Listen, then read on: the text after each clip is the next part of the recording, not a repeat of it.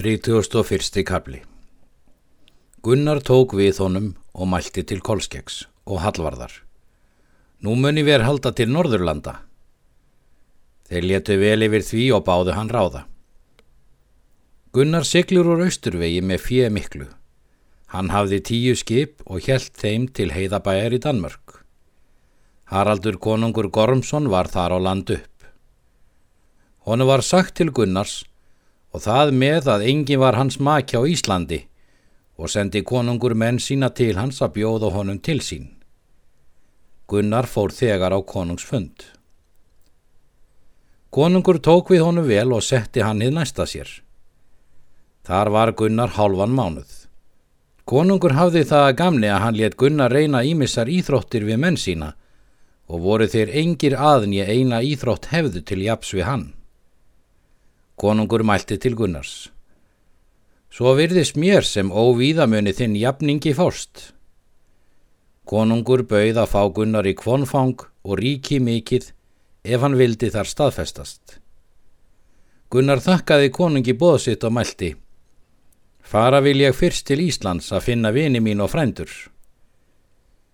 Þá mönd þú aldrei aftur koma til vor, segir konungur. Auðna mönd því ráða herra, segir Gunnar. Gunnar gaf konungi langskip gott og marga dýrgrippi aðra, er hann hafði fengið í hernaði.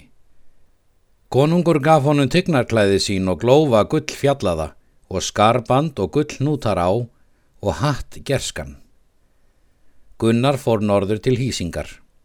Ölfir tók við honum báðum höndum. Hann færði Ölfi skip sín og kallar það vera hans hlutskipti.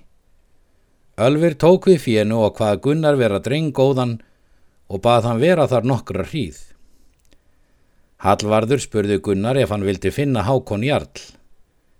Gunnar sagði sér það vera nær skapi, því að nú er ég að nokkuru reyndur, en þá var ég að engu, er þú baðst þess næstum.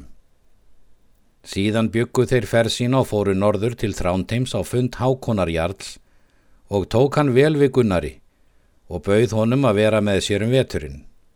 Hann þá það. Gunnar virðist þar hverju manni vel. Að jólum gaf Jarl honum gullring. Gunnar lagði huga á bergljótu frænkonu Jarls og fannst það ofta á Jarli að hann myndi hana hafa gift á honum ef Gunnar hefði nokkuð þess leitað.